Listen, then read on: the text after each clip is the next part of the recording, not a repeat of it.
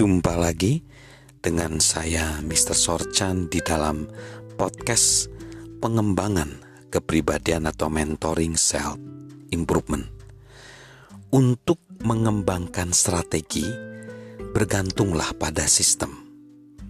Sebagian besar prestasi dalam hidup ini akan lebih mudah diraih bila kita melakukan pendekatan secara strategis jarang pendekatan sembrono dapat menghasilkan keberhasilan.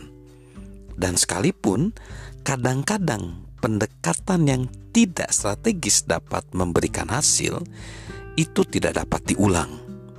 Jadi bagaimana caranya supaya kita dapat terus-menerus meraih sesuatu secara strategis dengan menciptakan dan memanfaatkan sistem salah satu rahasia pertumbuhan pribadi dan produktivitas tinggi dari John C. Maxwell adalah karena John memanfaatkan sistem untuk segala sesuatu.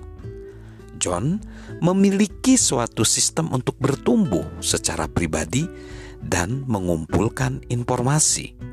Dia berusaha membaca empat buku setiap bulan dia memilih dua buku yang dapat dia telusuri secara singkat dan dua buku lagi yang ingin dia gali dengan lebih mendalam. John juga mendengarkan podcast dalam mobil dia saat dia menyampaikan speech mingguannya sebagai pemimpin, dia terbiasa mendengarkan speech setiap minggunya dia meluangkan waktu 5 menit untuk mendengarkan podcast. Jika isinya buruk, dia tidak melanjutkannya. Bila isinya bagus, dia berhenti mendengarkan setelah 5 menit dan menyisikan podcast tersebut untuk disalin ke dalam tulisan sehingga dia dapat membaca setiap kata. John memiliki sistem untuk menyoroti dan mencatat semua kisah, kutipan, dan artikel bagus yang pernah dia baca. Jika dia menemukan sebuah artikel yang dia sukai, dia merobeknya dari majalah atau surat kabar, menulisnya di bagian atas topik yang seharusnya menaunginya, dan memberinya kepada asisten dia untuk disimpan dalam arsip dia. Saat dia membaca buku, jika dia menemukan sebuah kutipan atau kisah yang dia sukai, dia menandai halaman tersebut, menuliskan topik yang seharusnya menaunginya, dan menuliskan halaman di mana topik tersebut dapat ditemukan di sampul depan bagian dalam buku tersebut.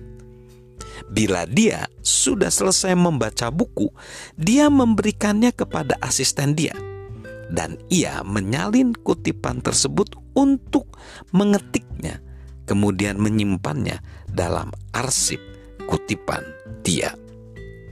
Latihan seperti itu mengubah kehidupan John. Kebanyakan orang yang John kenal yang menyediakan waktu untuk mengalami pertumbuhan pribadi tidak meluangkan waktu untuk menangkap pemikiran dan ide-ide hebat yang mereka jumpai. Mereka menghabiskan waktu berjam-jam atau berhari-hari untuk mencari sebuah kisah yang pernah mereka baca atau sebuah kutipan yang tidak benar-benar mereka ingat. Bukankah itu? Bukankah aku membaca tentang itu belum lama ini? Mereka bertanya-tanya, "Sekarang di buku mana itu?" Mungkin mereka dapat menemukannya, mungkin juga tidak. Tahukah sahabat Mr. Sorchan berapa banyak yang John butuhkan untuk menemukan sesuatu yang pernah dia baca dan ingin mengingatnya kembali? Paling lama dua menit. Biasanya dia dapat pergi ke mejanya dan menemukannya dalam waktu kurang dari satu menit bila dia tidak dapat mengingat topik apa yang menaunginya dan harus memeriksanya dua atau tiga topik, mungkin akan membutuhkan waktu lima menit. John memiliki sistem untuk berpikir. John menyimpan kira-kira belasan kutipan atau ide di dalam aplikasi notes iPhone dia yang John bawa sepanjang waktu. John membacanya sepanjang hari sehingga kata-kata tersebut dapat benar-benar mengendap ke dalam pikiran dan hatinya. Dan dia berenang beberapa putaran setiap hari. Dia memilih satu atau dua pemikiran atau kadang-kadang dua pokok untuk dia putar dalam pikiran dia sementara dia berenang. Dan dia juga memiliki kursi berpikir jika dia terbangun pada tengah malam, yang cukup sering terjadi, dia menyelinap ke ruang kerja dia dan membawa buku catatan untuk menuangkan pikiran ke dalam tulisan. John memiliki sistem untuk menulis sebelum melanjutkan perjalanan yang cukup lama yang dapat berlangsung dua atau tiga pekan, dia meluangkan waktu satu atau dua hari sebelumnya untuk menyiapkan apa yang perlu dia tulis. Jika dia sedang mengerjakan sebuah buku, dia membuat buku catatan dengan bahan-bahan mentah. Bila garis besar buku tersebut memiliki 15 bab, dia menyediakan sebuah map dengan 15 label bernomor. Ketika dia memiliki beberapa pemikiran mengenai bab tertentu, dia melubaginya dan meletakkannya di bawah label yang sesuai. Dia juga menelusuri arsip kutipan dan artikel dia, lalu menyalin materi apa pun yang dia anggap akan dia ingin gunakan dalam bab tertentu, lalu dia melubanginya dan meletakkannya di belakang label yang sesuai.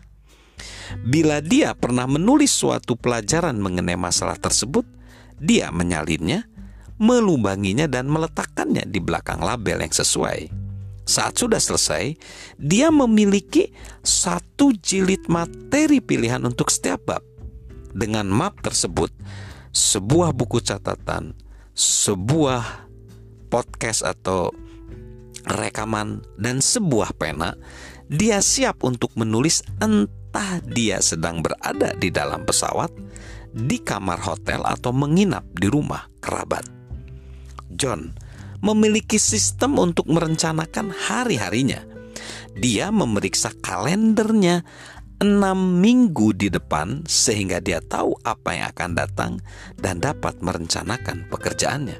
Dan setiap pagi dia memeriksa jadwal jadwal dia hari itu serta mengajukan pertanyaan pada diri sendiri. Apakah acara utamanya? Dia memastikan bahwa dia mengetahui hampir semua hal yang harus dia menangkan hari itu. Tidak peduli apa pun yang terjadi. Sahabat Mr. Sorchan, John bahkan memiliki sistem untuk mengantri dan aktivitas-aktivitas biasa lainnya. Misalnya, saat dia menonton pertandingan bola bersama teman-temannya dan mereka pergi membeli makanan di sebuah kios, bila ada tiga baris antrian, John berdiri di salah satu baris dan meminta teman lain untuk mengantri di baris-baris yang berbeda. Saat salah seorang dari mereka mencapai bagian depan lebih dahulu, mereka semua mendatangi teman tersebut dan menyerahkan pesanan mereka bersama. Dengan cara demikian, mereka menghemat waktu. Strategi dan sistem adalah cara hidup bagi John. Michael Gerber, penulis The Image, mengatakan bahwa sistem membuat orang-orang biasa mampu meraih hasil-hasil yang luar biasa. Namun, tanpa sistem, bahkan orang yang luar biasa sulit untuk meraih hasil biasa sekalipun. John setuju sepenuhnya dengan pernyataan ini.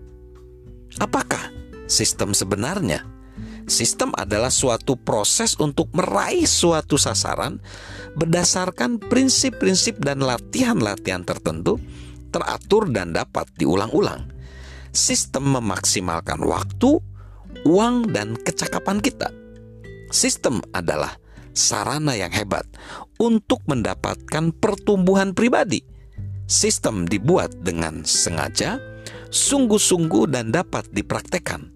Sistem benar-benar berguna, tidak peduli apa pun profesi, tingkat bakat, atau pengalaman kita. Sistem meningkatkan performa kita. Kehidupan yang tidak bersistem adalah kehidupan di mana orang harus menghadapi setiap tugas dan tantangan dari titik awal. Salam untuk bertumbuh senantiasa, salam sehat selalu dari saya, Mr. Sorchan.